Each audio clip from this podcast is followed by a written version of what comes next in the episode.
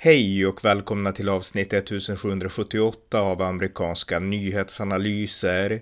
En konservativ podcast med mig, Ronny Berggren, som kan stödjas på swishnummer 070-30 28 95 0. Här följer en uppdatering om det senaste i USA tillsammans med min svensk-amerikanske kollega Björn Nordström. Varmt välkomna! Björn Nordström, välkommen!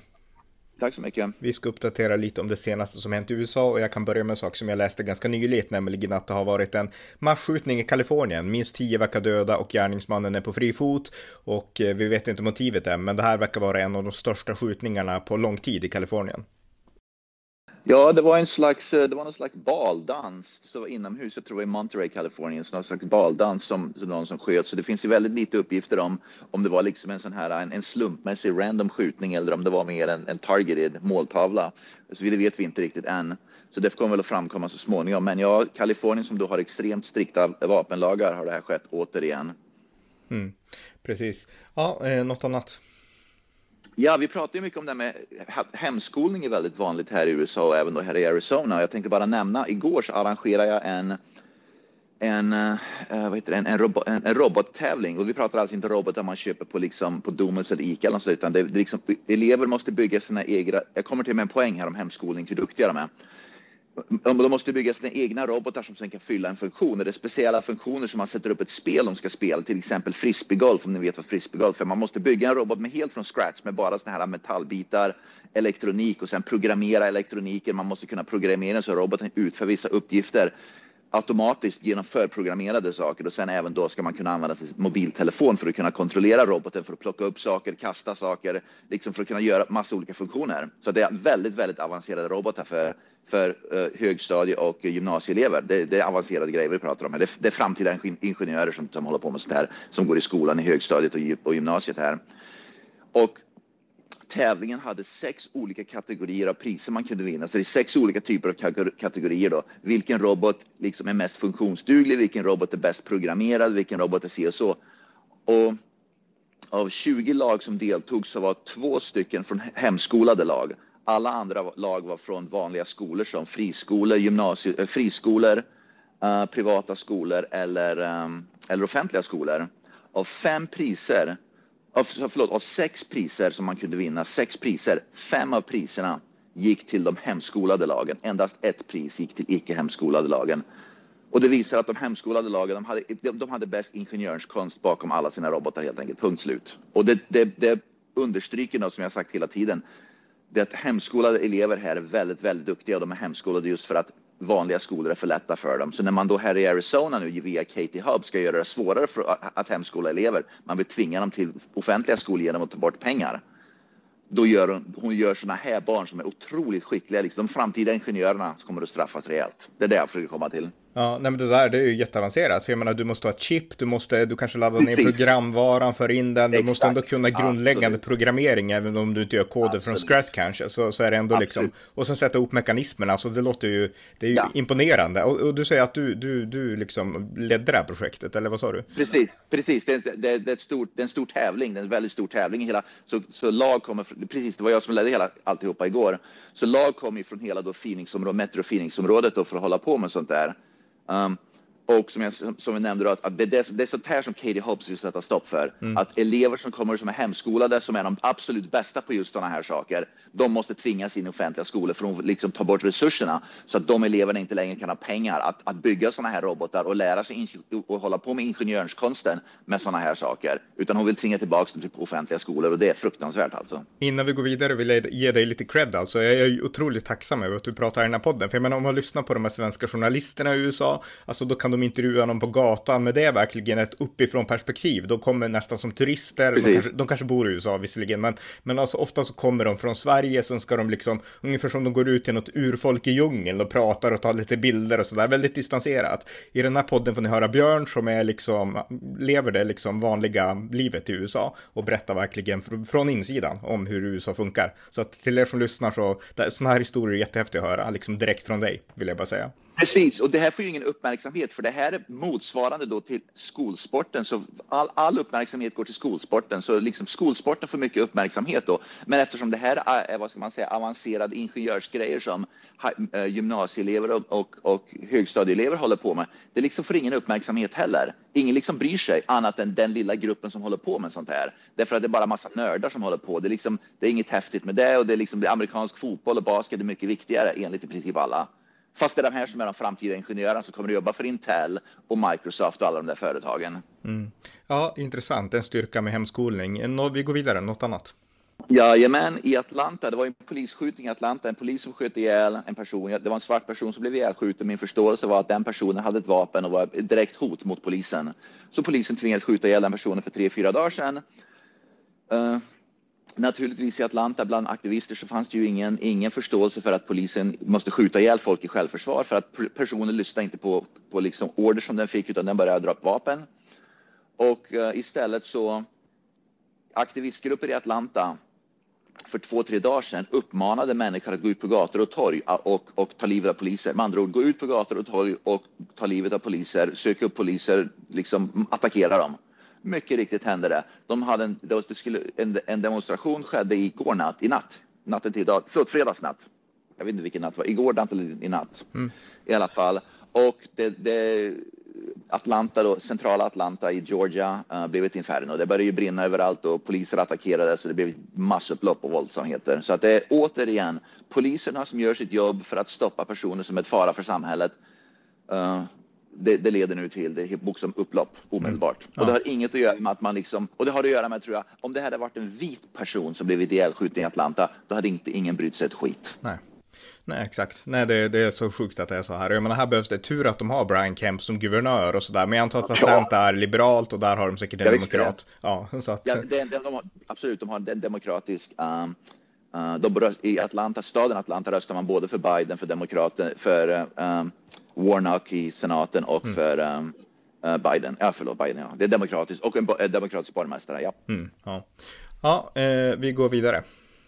Department of Justice skickade iväg FBI för att leta igenom Bidens hus. FBI, så Gar, uh, Merle Garland skickade i alla fall iväg FBI nu för att gå igenom um, Bidens hus för att leta mer dokument och mycket riktigt så hittar de ännu fler dokument i Biden, Bidens hus nu. Så FBI är inblandade aktivt nu i att leta dokument i Bidens hem.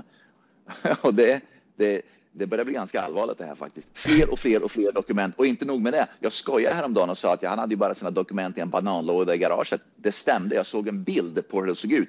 Det var en, en tänk dig bara en vanlig jäkla skokartong fast större. Där locket var öppet, liksom halvt öppet. Det var så han förvarade ett lock med halvt, ett, bokstavligen banankartong med ett lock som var halvt öppet som vem som helst kunde gå in och liksom gräva fram grejer som de classified. Det var bokstavligen så det var. För det var en bild som kom ut att det var här, det var så här som, uh, det var en bild läckte till media, det var så här som Biden förvarade de classified documents. Mm.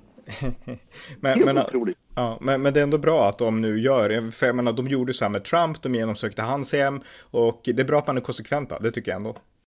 Ja, absolut. Och jag, jag, republikanerna i kongressen då i, i uh, representanthuset blir mer och mer så. Jag, som jag har sagt hela tiden, Biden själv pratar nu om att han är mer optimistisk bokstavligen. Det här är helt otroligt. Biden själv bara för en dag sedan, igår eller förrgår, gick ut och sa att han är, han är mer optimistisk och upphetsad än någonsin nu över att bli presidentkandidaten 2024. Så han satsar stenhårt nu på att 2024 och han tycker att det här ska bli kanon. Va? Men han, jag tror han är helt verklighetsfrånvänd. Att förmodligen så kommer han att bli impeached vid någon av de här. Och jag tror att det kommer att bli svårt för van, vanliga människor som, som jag själv, som är då, vad ska man säga, oberoende väljare. Mm jag tror det finns en väldigt stor grupp oberoende väljare som röstar på Biden för att få bort Trump som nu kommer att vända sig mot Biden och vill ha bort Biden därför att man anser att det här, det här har gått för långt. Så Biden är inte verkligt förankrad ens och tror liksom att han är nu i, i, fin form för att, för att göra, gå till val igen. Mm. Och eh, gällande, om vi bara ska komma kort liksom, notis om presidentvalet, nu har det kommit upp en ny opinionsundersökning som visar att det är Donald Trump som är den tydliga frontrunnern. Han leder med 48 mot 28 procent för Ron DeSantis i närmaste rival, så att Trump har fått ett uppsving i den republikanska opinionen. Och det här är, det här är också någonting som förlåt, republikanerna kommer att få problem med. När DeSantis och Trump ställs mot varandra, då vinner Trump, men, DeSantis, men när DeSantis ställs mot um, mot Biden, då vinner eh, DeSantis med 5-6 procentenheter just nu. medan Trump förlorar med typ 10-15 procentenheter. Mm. Så med andra ord, och, då, och det är för att de oberoende väljarna, det är de som kommer att avgöra valet. Och jag tror att Republikanerna, även om, vill man att det ska bli en republikan som vinner presidentvalet, även om Trump är den som vinner republikanska uh, primärvalet, så på något sätt så måste man ha fram uh, DeSantis för att han, han, kan, han kommer att slå Biden, men Trump kommer inte att slå Biden. För den oberoende gruppen väljare som inte kommer att rösta i ett primärval förmodligen, det är de som kommer att avgöra presidentvalet. Mm, håller helt med. Eh, vi går vidare, något mer? Ja, jag nämnde då att gasspisar kommer ju att förbjudas. Mm. Eh, man vill förbjuda gasspisar här i USA. Redan har flera demokratiska delstater, Kalifornien och, och uh, New York, de två största, börjat förbjuda eh, gasspisar. De har gör, gör det redan svårare för folk att använda gasspisar, så de har redan hoppat på det där. Och eh, restauranger, normala, vanligt, vad ska man säga, i vanliga fall så restauranger använder gasspisar så att många restauranger som liksom liv, som alldeles som har svårt att, vad ska man säga, att få eh, ekonomin att gå ihop. De kommer att tvingas stänga just för att då måste de byta ut alla sina spisar och restauranger gillar gasspisar för gasspisar är helt enkelt bättre att laga mat med för man kan liksom få den perfekta värmen. De är, de, jag själv har haft gasspis och de är, det är bättre att laga mat på en gasspis, punkt slut. Och många restauranger använder gasspis, punkt slut. Så är det bara. Så många människor kommer inte ha råd att göra det här, framförallt fattiga och medelklassen och många restauranger kommer att behöva lägga ner för de kommer inte ha råd att byta ut alla sina gas, eller spisar då till elspisar. Och det här, som det här är också ganska intressant och då ska man byta ut sina spisar från gasspisar till elspisar samtidigt som man då vill skära, skära, behöver skära ner på elanvändningen man, håller, man använder för man vill liksom dra ner på elanvändande också. Gasspisen då går ju på gas och det är ofta spisar så det, det, det är en hel jävla röra med allt det här. Så det är inte bara att den använder, den drivs av gas med. Så det är väldigt konstiga saker som pågår nu. Mm. Eh, ja. En annan nyhet det är att Högsta domstolen, det vart ju i somras en som läckte, alltså den här draften som ja. Högsta domstolen hade gällande aborter och den här läckan var ju en skandal såklart. Och eh, Högsta domstolen tillsatte, jag tror en intern utredning för att utreda vem läckan var. Och eh, nu har man kommit fram till att man har inte lyckats, man vet inte helt enkelt. Och eh, det betraktas ju ja. också som ett, eh, ja, en prestige, alltså som ett misslyckande egentligen av Högsta domstolen att de inte har lyckats hitta läckan. Ja, men det är inte speciellt förvånande. Jag läste någonstans, jag kommer inte ihåg siffran, det är 300 personer som där hade, hade liksom en kopia av det där dokumentet. Va?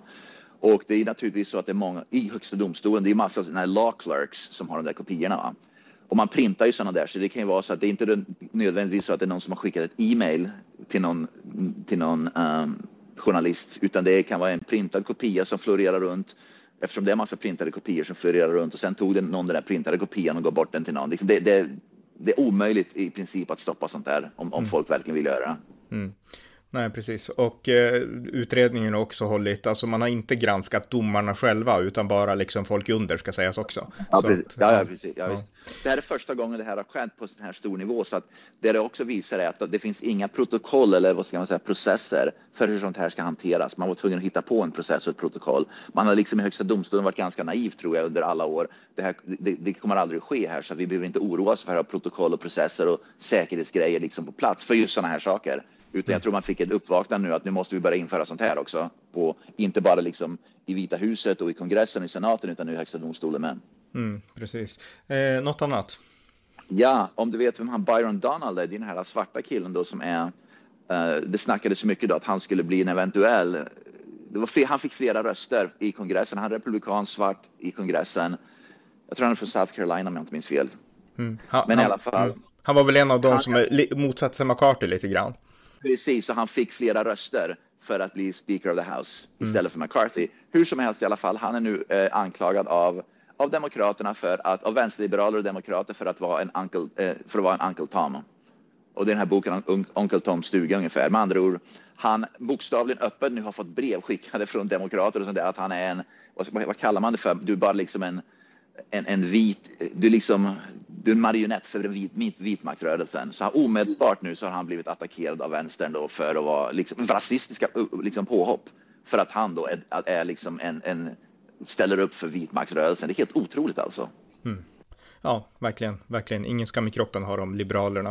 Eh, vi går vidare och fortsätta med det. Det finns en skådespelerska, vad heter hon nu då? Octavia, en svart skådespelerska. Hon är från Alabama. Hon är från um, Huntsville, Alabama tror jag. Hon är från Alabama. Octavia någonting. Hon spelar med bland annat uh, vad heter den där filmen? Hon är väldigt känd skådespelare här i USA i alla fall. Man Spe- känner Spencer. alls- Eh, Octavia Spencer, förlåt. Ja, tack så mycket.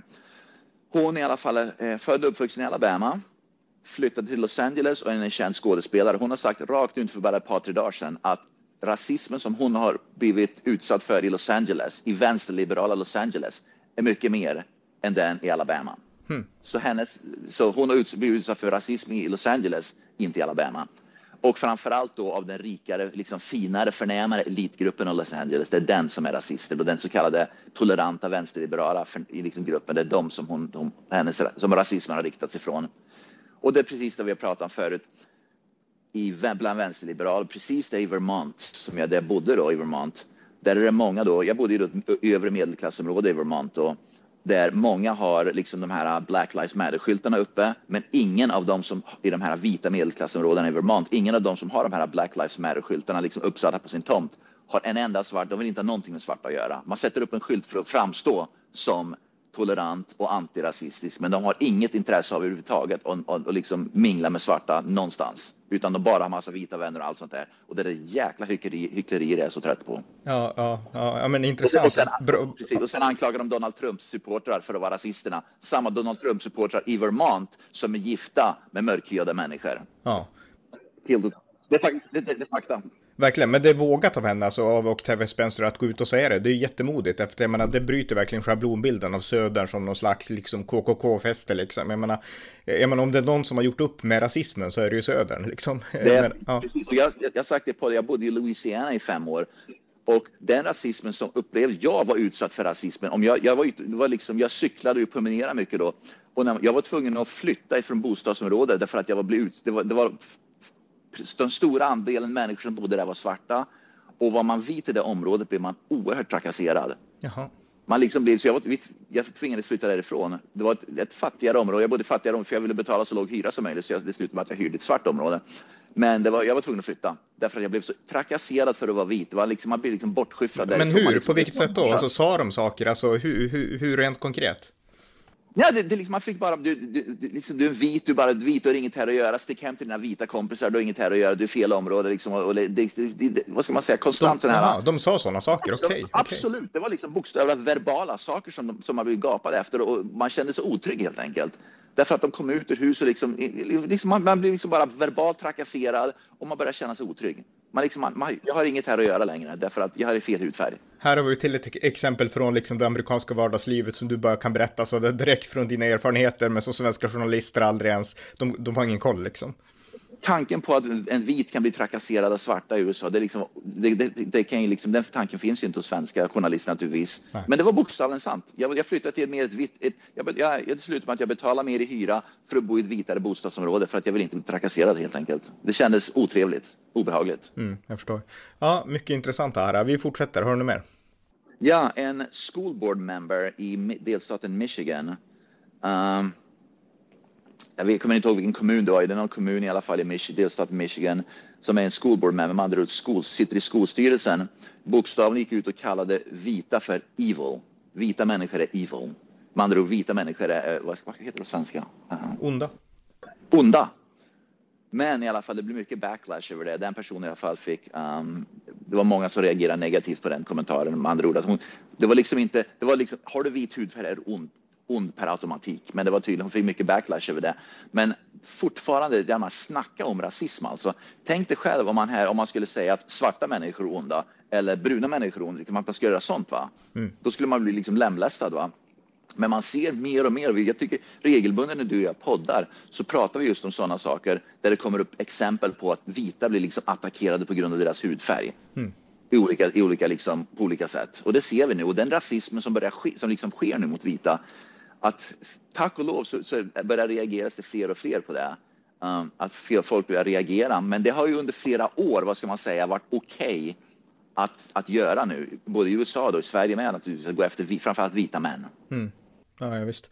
Eh, jag menar, en liten avstickare. Jag menar, här i Sverige, de flesta, nu börjar de väl gå i pension och så är väldigt många, men det finns ju fortfarande många kvar som växte upp på 60-70-talet när man hypade även här i Sverige. Martin Luther King Jr, han var som hjälte, det var så bra liksom och liksom man fick den här bilden av att liksom USA är fullt av vita rasister och det här är någonting, de har liksom inte liksom catchat upp med verkligheten de här och visst, de börjar gå ur tiden, men fortfarande finns det många kvar som håller på sina liksom positioner i journalistik och liknande och de lever i det förflutna och de har kvar den här liksom teoretiska bilden av att rasism, det är vita mot svarta ungefär. Och eh, det har ingenting med den riktiga verkligheten idag att göra. Och eh, på något sätt, alltså de lever i abstraktioner. Och man framförallt, de, de, de, de granskar heller inte verkligheten som den faktiskt är idag, utan man sitter i sina mediehus och det här är det som det alltid har varit ungefär, då måste det vara så idag igen. Det är aldrig någon som skulle få tanken på att flytta in en vit människa att flytta in i ett svart bostadsområde i amerikanska södern och se om en vit kan bli faktiskt trakasserad och, och rasistiskt påhoppad. Det finns ju inte journalister som kommer att göra det för att, för att se hur verkligheten faktiskt ser ut. Mm. Utan man vill sitta i sina vita bostadsområden och skydda sig själv och sen skriva om hur, hur onda vita är. Mm. Och, så journalister lever ju helt enkelt inte i, i, i verkligheten som, som många andra lever i. Nej, nej precis. Eh, vi går vidare, något mer? Jajamän, eh, staden Philadelphia som drivs av demokrater och en demokratisk borgmästare, precis som San Francisco och Los Angeles. Drogerna där håller på att helt bli utom kontroll. Den här fentanylen, det bara rinner fentanyl över gränserna här mot USA från mexikanska gränsen. Och nu finns det konkreta, vi pratade om den här Sinaloa, eh, den här mexikanska kartellen Sinaloa för några dagar sedan som då är i krig nu mot eh, mexikanska staten. Um, mm. om du, för, att, mm. för att just en av, en av deras höjdare då blev, blev ihjälskjuten av, av militären i Mexiko i alla fall. Den kartellen Sinaloa i Mexiko uh, kör upp mängder och mängder av droger uh, till Philadelphia nu bokstavligen pumpar in droger i Philadelphia. Så man hittar en, en, konkret koppling mellan drogerna som flödar gatan i staden Philadelphia i nordöstra USA och kopplingen då till Sinaloa-kartellen i, i Mexiko. Och det är inte helt förvånande, va? men att det har liksom totalt utom kontroll. Problemet är att det är så lätt att, att smuggla droger över gränsen mot Mexiko, från Mexiko nu under Biden. Så att, uh, så att det liksom, Philadelphia håller på att gå, gå under nu av droger helt enkelt, punkt slut. Precis som San Francisco, precis som Los Angeles. Så uh, det här är liksom utom kontroll. Så, och kartellerna naturligtvis och fent, fentanylen tillverkas ju av Kina ofta, så drogerna då, fent, drogen fentanyl tillverkas i Kina av kineser skickas över liksom med skepp då till Mexiko och sen så Sinaloa-kartellen tar hand om då, köper det där från kineserna och sen skickar det över över gränsen och säljer det. Så att det är liksom det är Kina inblandade i det här med på grund av fentanylen. Helt otroligt, men Biden verkar inte vilja säkra gränserna mot det här utan drogerna bara, framförallt fentanylen, det bara flödar in. Mm, just det. Eh, ja, något mer? Ja, um, um, Youngkin, Glenn Youngkin som är guvernör för, uh, för Virginia, han i alla fall sagt stopp för att företaget Ford ska få starta en tillverkning av batterier, av bilbatterier, liksom vad ska man säga, de här elektriska batterier där. Därför att Kina ligger bakom all den tillverkningen och Glenn Youngkin har sagt vi vill inte att Kina ska komma in i Virginia och börja ta över tillverkningen av, av elektriska bilbatterier här i, i uh, Virginia. Vi vill inte, det ska skötas av USA och amerikanska företag, inte av Kina. Så han tackade nej till att Ford skulle flytta in för att Ford då skulle den, Ford skulle då vara, ska man säga, för, återförsäljarna, men Ford då skulle anlita Kina för att komma in och ta över alltihopa. Mm. Och han vägrar ställa upp på det. Han ska inte ha Kina här i Virginia i alla fall. Mycket bra. Det, det är det här vi pratar om, oavsett om det gäller vatten i Arizona eller liksom land i Mississippi mm. eller Georgia och liksom ja, ja. batterier då i Virginia. Så att det är suveränt att republikaner och även demokrater i din delstat tar, tar ton mot det här, liksom, i, liksom utländska inflytandet. Jajamän. För att gå vidare i sport, vi pratar ju om sport lite grann. Det här visar oerhörda hyckleriet till vänsterliberaler, Man blir spyfärdig alltså. Det finns en ishockeyspelare i NHL som heter Ivan Provorov. Han är ryss. Och NHL hade då en eh, Pride, en Pride-match. Man liksom, NHL har ju liksom helt plötsligt blivit massa woke. då. National Hockey League har blivit woke och de skulle göra då en hockeymatch då. Alla spelare blev i princip påtvingade att ha prideflaggan liksom, man skulle bära någon slags tröja med någon prideflagga. Man skulle också linda på hockey, hockeyklubbor då, tejpen då man har nere på hockeyklubborna skulle också vara pridefärger och så vidare. Va? Då finns det en kille då, han är från Ryssland som heter Ivan Provorov och det här har inget med nationalitet att göra utan det här har med vänsterkyckleri att göra. Han vägrar ställa upp. Han sa jag är en ortodox, rysk ortodox religion så jag tänker inte ställa upp på Pride. Folk får göra vad de vill men jag tänker inte ställa upp att bära Pride-tröja helt enkelt, därför att det, min religion motsätter sig det. Va? Mm. Han blir påhoppad av det hela vänsterliberala köret, av media, av NHL, av alltihopa som, som homofob och liksom anti-Pride och så vidare va? och hbqt-fientlig och så vidare. Va? Naturligtvis. Men hur många av precis samma personer, för att de sa att hans religion är hbqt-fientlig och så vidare, va? men samma personer vägrar att hoppa på eller gå efter islam under fotbolls-VM som är verkligen är hbqt-fientlig, uh, eh, även om fotbolls-VM spelades just nu. Så man vänder ryggen till islam men honom hoppade man på för att han inte ställde upp på det på grund av religiösa skäl. Så en religion, islam, får fripass att vara homofobi, homofobisk, men han fick inte fripass. Han blev attackerad totalt av vänsterliberalerna. Ja, exakt. Det är så hycklande. Och jag menar, så som han är en snäll person, han hatar inte homosexuella, men han vill bara inte ställa upp på deras livsstil och på liksom, ja, ja hbtq-communities propaganda och sådär. Och det är en helt annan sak än att hata homosexuella och liksom icke-heteronormativa. Medan i islamvärlden, då är det hat mot sådana. De har liksom avfallit från Gud och det är straff och det ena och det andra. Så jag menar, det är så fegt och det är så hycklande av vänster. Precis. Återigen så ser vi att det är därför jag omöjligen kan rösta på demokrater, även om jag i grunden förmodligen är en demokrat och vänster, inte vänster, förlåt, en liberal demokrat, så kan jag inte ställa upp och rösta på Demokraterna just för att det är jäkla hyckleriet. De är inte konsekvenser. Jag tycker de är så fega och jag vill inte vara med om det. Nej. Ja, vi fortsätter om du har något mer. Ja, New York. An antalet våldsbrott i New York har ökat dramatiskt under 2023, så våldet bara ökar. Gentemot 2022, vilket var en ökning från tidigare år, så ökningen 2023 allra de första två, tre veckorna har det gått upp gentemot 2022, så våldet i New York går bara upp. Så de har verkligen någonting de måste, de måste ta, i tag, ta itu med där nu. Mm. Vänsterliberal, delstat, vänsterliberal delstat med en um, um, uh, Eh, eh, demokratisk borgmästare. Nästa grej som pratar om det är också sport. Det är en väldigt, väldigt känd amerikansk fotbollstränare som heter Tony Dungy. Tony Dungy, han är en svart man, väldigt känd amerikansk fotbollsspelare. Han är väldigt känd mediaprofil för han jobbar i media nu. Han är i alla fall pro-life, så han har gått ut och, och liksom officiellt sagt jag är pro-life eh, och jag är emot aborter. Va?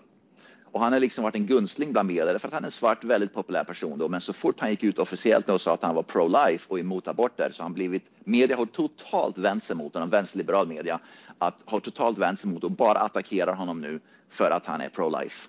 Medan han var en mediagunstling för bara alldeles, alldeles till nyligen just för att han är väldigt känd och media gillar honom. Ofta, och han är svart då. Mm. Så att pro-life får man inte vara tydligen. Men han är, han är en tuff kille, han kommer inte ändra sig. Han är liksom i grunden pro-life, han är i grunden mot aborter, så han kommer inte ändra på sig en sekund. För att han är liksom så etablerad i samhället att liksom, han bryr sig inte. Han har liksom tillräckligt mycket liksom, status här. Men att media bokstavligen från ena dagen till den andra vände sig mot honom bara för att han tog en ställning i abortfrågan tycker mm. jag är vidrigt. Verkligen. Ja, något mer? Uh, se, jag ska bara gå igenom par snabba saker. Ja, just ja. Uh, här i Arizona, det här, är, det här är ganska bra egentligen. Det var en en rånare här i Arizona för bara ett par dagar sedan som skulle råna en bensinstation. Gick in i en bensinstation, drog upp en pistol och skulle råna. Men det var en kund i bensinstationen som var snabb, som var snabb i hölstret och drog upp sin pistol och sköt ihjäl rånaren. Mm. Och med, stor, med absolut största sannolikhet så kommer inte den kunden att bli, att bli åtalad därför att eh, det var självförsvar. Vi har ju pratat om, Ja, spännande. Vi har ja. pratat om sådana incidenter i Texas där de blir fria. Men ja. jag menar, demokraterna i delstater som Arizona, är de också för rätten till liksom självförsvar? Eller har de, alltså i vapenfrågan, är de liberaler precis som i New York? Eller är de liksom i sådana här äh, frågor? Vet du det? Demokraterna? Demokrat, demokrater i Arizona är mer normala, de är mer i mitten. Till, och jag tror att till exempel Kirsten Sinema representerar de demokraterna, hon är, man är mer i mitten. Hon är ju då inte demokrat längre, hon är väl oberoende. Hon hoppar ju av demokratiska partiet, va? men hon representerar ganska väl det är lite grann som, um, som i Vermont när det gäller vapen där. Demokrater, många demokrater i Vermont uh, är, är, för second amendment och vill mm. inte ha striktare vapenlagar. Så, uh, och detsamma här, när det gäller second amendment här så är demokraterna mer normala, så de är ganska mycket i mitten. Vi pratar inte om de här vänster, vänsterdemokraterna i, i Kalifornien eller New York. Nej, just det. Ja, okej, okay, något annat? Alex Baldwin, det var ju han som då genom en han då som, som, gjorde, som gjorde narr av Trump väldigt ofta, var emot Trump offentligt, han är känd skådespelare. Det var han som på ett olyckligt sätt sköt ihjäl under ett, under ett filminspelning, sköt ihjäl en person med ett, med ett vapen under filminspelning mm. bokstavligen. Vi har pratat om det förut va. Han i alla fall kommer att bli åtalad nu för manslaughter. Okej, okay, han kommer att bli det? Han kommer att bli åtalad. Ja, åklagaren i delstaten New Mexico har beslutat sig officiellt nu för att åtala uh, Alec Baldwin för, uh, för uh, vad ska man säga, vad heter för mord, fast det var inte medvetet, det var liksom ett omedvetet, det var liksom manslaughter, det var liksom, jag vet inte vad man säger på svenska. Ja, men, men kort och gott, bara, bara för, bara för att recappa för de som lyssnar. Alltså det var en filminspelning, de, han skulle använda pistol och det är folk ja. som ska gå igenom det. Och sen sköt han och eh, en person råkade stöd. Det var såklart inget mord, utan det var en olycka. Men, men han kommer ändå bli åtalad nu för, vad säger man, manslaughter eller någonting, alltså involuntary ja. eller något. Ja. Precis, precis. Ja, absolut. Nu är det officiellt så att han kommer att hamna i domstol för det där och förmodligen kommer han att fällas och åka in i finkan ett par år. Mm. Ja. Så att för att han, han, de ansåg att han hade en skyldighet att eftersom han höll pistolen i sin hand så hade han en skyldighet i att även om någon, någon gav honom pistolen så var han skyldig till att kolla så att det inte var någon ammunition i den. Mm, just det. Mm. Ja, det måste finnas strikta regler för sånt här såklart. Eh, ja, något annat? Ja, Facebook visar återigen vilket hyckleri de har. I, på, på Facebook då får man inte lägga upp kvinnor, liksom biologiska kvinnor, det blir så jävla förvirrande det här, biologiska kvinnor får inte lägga upp bilder på sina bröst på Facebook. Men Facebook har just, just gjort en regel där biologiska män som har blivit kvinnor, med andra ord transkvinnor, de får lägga upp bilder på sina bröst nu på Facebook. Så är du en biologisk kvinna får du inte, göra, får du inte visa brösten på Facebook. Om du är en biologisk man som har blivit kvinna, då får du visa brösten. Men min fråga är då, då men, men det här är intressant. Det Facebook säger att det är skillnad på biologiska kvinnor och på transkvinnor. Det är det de egentligen säger. Så de, de, de erkänner att det finns biologiska kvinnor gentemot transkvinnor. Jag tror inte de begriper att de säger det, men de säger det genom att ha en policy som endast gäller för transkvinnor, men inte biologiska kvinnor. Mm. Alltså det här börjar bli rörigt. Hur de, ska, hur de ska kunna bevisa då att det är någon som är en transkvinna versus en biologisk kvinna, det har jag svårt att förstå. Hur ska de, ska de då liksom utreda det där? Det, det begriper jag ju inte, va? men de har i alla fall en policy officiellt nu som, som skiljer på det där. Ja. Okej, okay. absurt, helt absurt. Ja. ja, ja. just det. Ja, eh, något annat? Delstaten Minnesota. Demokraterna i Minnesota, det här visar ju också här förvirringen. Jag vet inte hur de ska göra med det här, men delstaten Minnesota, nu är Demokraterna där, det är en demokratisk delstat. De vill börja uh, införa att uh, menstruationsprodukter, kvinn, kvinnliga produkter för menstruation, tamponger och sånt där, mm. att man ska eftersom män, de säger att män kan ha, Eh, kan ha, vad heter det, kan ha mens med, då måste man nu se till att det finns eh, tamponger i manliga omklädningsrum. Inte bara i kvinnliga omklädningsrummen, i manliga omklädningsrummen måste det finnas då tamponger med. Uh, I alla fall. Så att efter, för de argumenterar, och demokrater i Minnesota argumenterar att män kan visst ha mens. Det är inte bara kvinnor som kan ha mens, det är män som kan ha mens och därför måste det finnas tillgång till, till tamponger i manliga omklädningsrum. Mm ja. intressanta saker alltså. Politiker med liksom ingenting att göra utan måste ägna sig åt dumheter istället för vettiga frågor. Eh, yeah. Ja, något annat? Närmare 60 procent av amerikanska folket eh, anser att Biden eh, har, eh, har hanterat de här, klass, de här klassificerade dokumenten väldigt dåligt. Och eftersom det, är, eftersom, eftersom det är över 50 procent så betyder det att det måste vara många, många oberoende som också anser det. Så att det inte bara republikaner utan, utan även många oberoende, en stor andel oberoende anser också att, att Biden har hanterat dokumenten väldigt illa. Så mer än hälften av amerikaner anser att han har gjort, mm. har gjort fel i allt det här. Mm, så att, det, det, visar att, att, demokra, att, förlåt, det visar att de oberoende väljarna börjar se Biden på ett negativt sätt. Mm. Ja, precis. Och det är den gruppen som kommer att avgöra nästa val. Mm. Ja, något annat? Uh, får se det här. Ja, just ja. Eh, I staden Phoenix där jag bor, då, där gjorde man sig av för ett par år sedan då med de här, eh, ofta i skolor i USA så finns det en polis då, som eh, det kallas för en resource officer. Med andra ord en polis, en person som är polis som befinner sig på skolområdet och som antingen undervisar kurser som faktiskt är, som undervisar klasser för elever eller som bara liksom är på, liksom anställd av polisen för att befinna sig på skolor för att liksom inge då mer säkerhet. Men under det här defund the police, väldigt många väldigt många uh, skolor då gjorde sig av med sin uh, Police Resource Officer därför att det var liksom då den heta grejen. Våldet gick upp precis här i Phoenix, vilket är en demokratisk stad. Uh, och um, nu håller på sko samma skolor som gjorde sig av med polisen håller nu på att utreda att börja inskaffa, liksom, vad ska man säga, ta tillbaka polisen på campus igen därför att våldet har ökat för mycket. Det är för mycket våld på skolorna igen. Som andra återigen det här ideologiska. Man gjorde sig av med poliser av ideologiska skäl sluta med mer våld. Precis som du och jag pratar om, tar man bort polisen i samhället då blir det mer våld. Punkt slut. Och mycket riktigt skedde det även på skolor. Mm, just det. Ja. ja, jag har inget alls mer, men har du mer? Ja, vi kan köra en mer pinsamhet. Biden gjorde bort sig och till och med Kamala Harris och folk reagerar på det här. Eh, Golden State Warriors som vann NBA eh, basketproffsligan förra året. De åkte till Vita huset. Varje år så tar Vita huset emot då basket och fotboll och massa då idrottsmän och kvinnor då som vinner olika ligor här och liksom bara tar in dem på en middag och skakar hand med dem va? och tar massa bilder. Och Joe Biden, det här, det, man kan se det, här finns på, det finns på bilder man kan titta på det, det är pinsamt alltså. Joe Biden av någon anledning, så när de skulle ta en bild då med Joe Biden, Kamala Harris och hela Golden State Warriors då basketlag, av någon anledning så, så ställer sig Joe Biden på knä på knä framför Kamala Harris. Så det ser ut som att han vill fria till Kamala Harris mitt under den här fotosessionen då. Men flera personer inblandade sa att det här ställer jag inte upp och ta upp, liksom, lyft upp karln så får honom att stå upp. Så flera stycken liksom, inom Golden State Warriors och även Kamala Harris sa att ställ dig upp för tusen, det här ser pinsamt ut. För det såg precis ut på bilden som att han friar till Kamala Harris. Alltså det, Biden är helt otrolig. Jag, jag kollar på det nu, det ser faktiskt, alltså ni kan googla på den, Biden, ni Harris eller någonting, det var det jag googlade på, det ser rätt, ja det ser rätt kul ut. ja, ja, i alla fall, men det visar ju också att, att, att, att liksom Joe Biden har liksom noll pejl på läget. Han liksom ja, men... bara på någon, hans hjärna liksom, den missfire hela tiden. Och så borde han ha pejl på sig själv. Han är presidenten, det är han som är störst här och viktigast och mäktigast. Och liksom, de andra hade kunnat göra så, han står i mitten liksom, men inte att han, det ser, alltså googla på bilden säger jag bara och titta på den. Mm. Precis, men det visar att han är helt, liksom, att, han, att han, han, han fungerar inte längre helt enkelt. Det, han, han är en pinsamhet konstant. Mm. Ja, eh, något mer? Uh, jag tror det var en sak som hade skett i Arizona här, men uh, var det nu? Uh, ja, just det, jo. Uh, Kirsten Sinema, hon som är, uh, det var ju en sån här stor konferens här bland WEF, vad är det, World Economic, mm. vad heter det? Forum. I alla fall, ja, Forum. Hon i alla fall, Kirsten Sinema var ju där och höll ett tal. Hon är då senator här från Arizona, det här sista grejen jag tänkte berätta.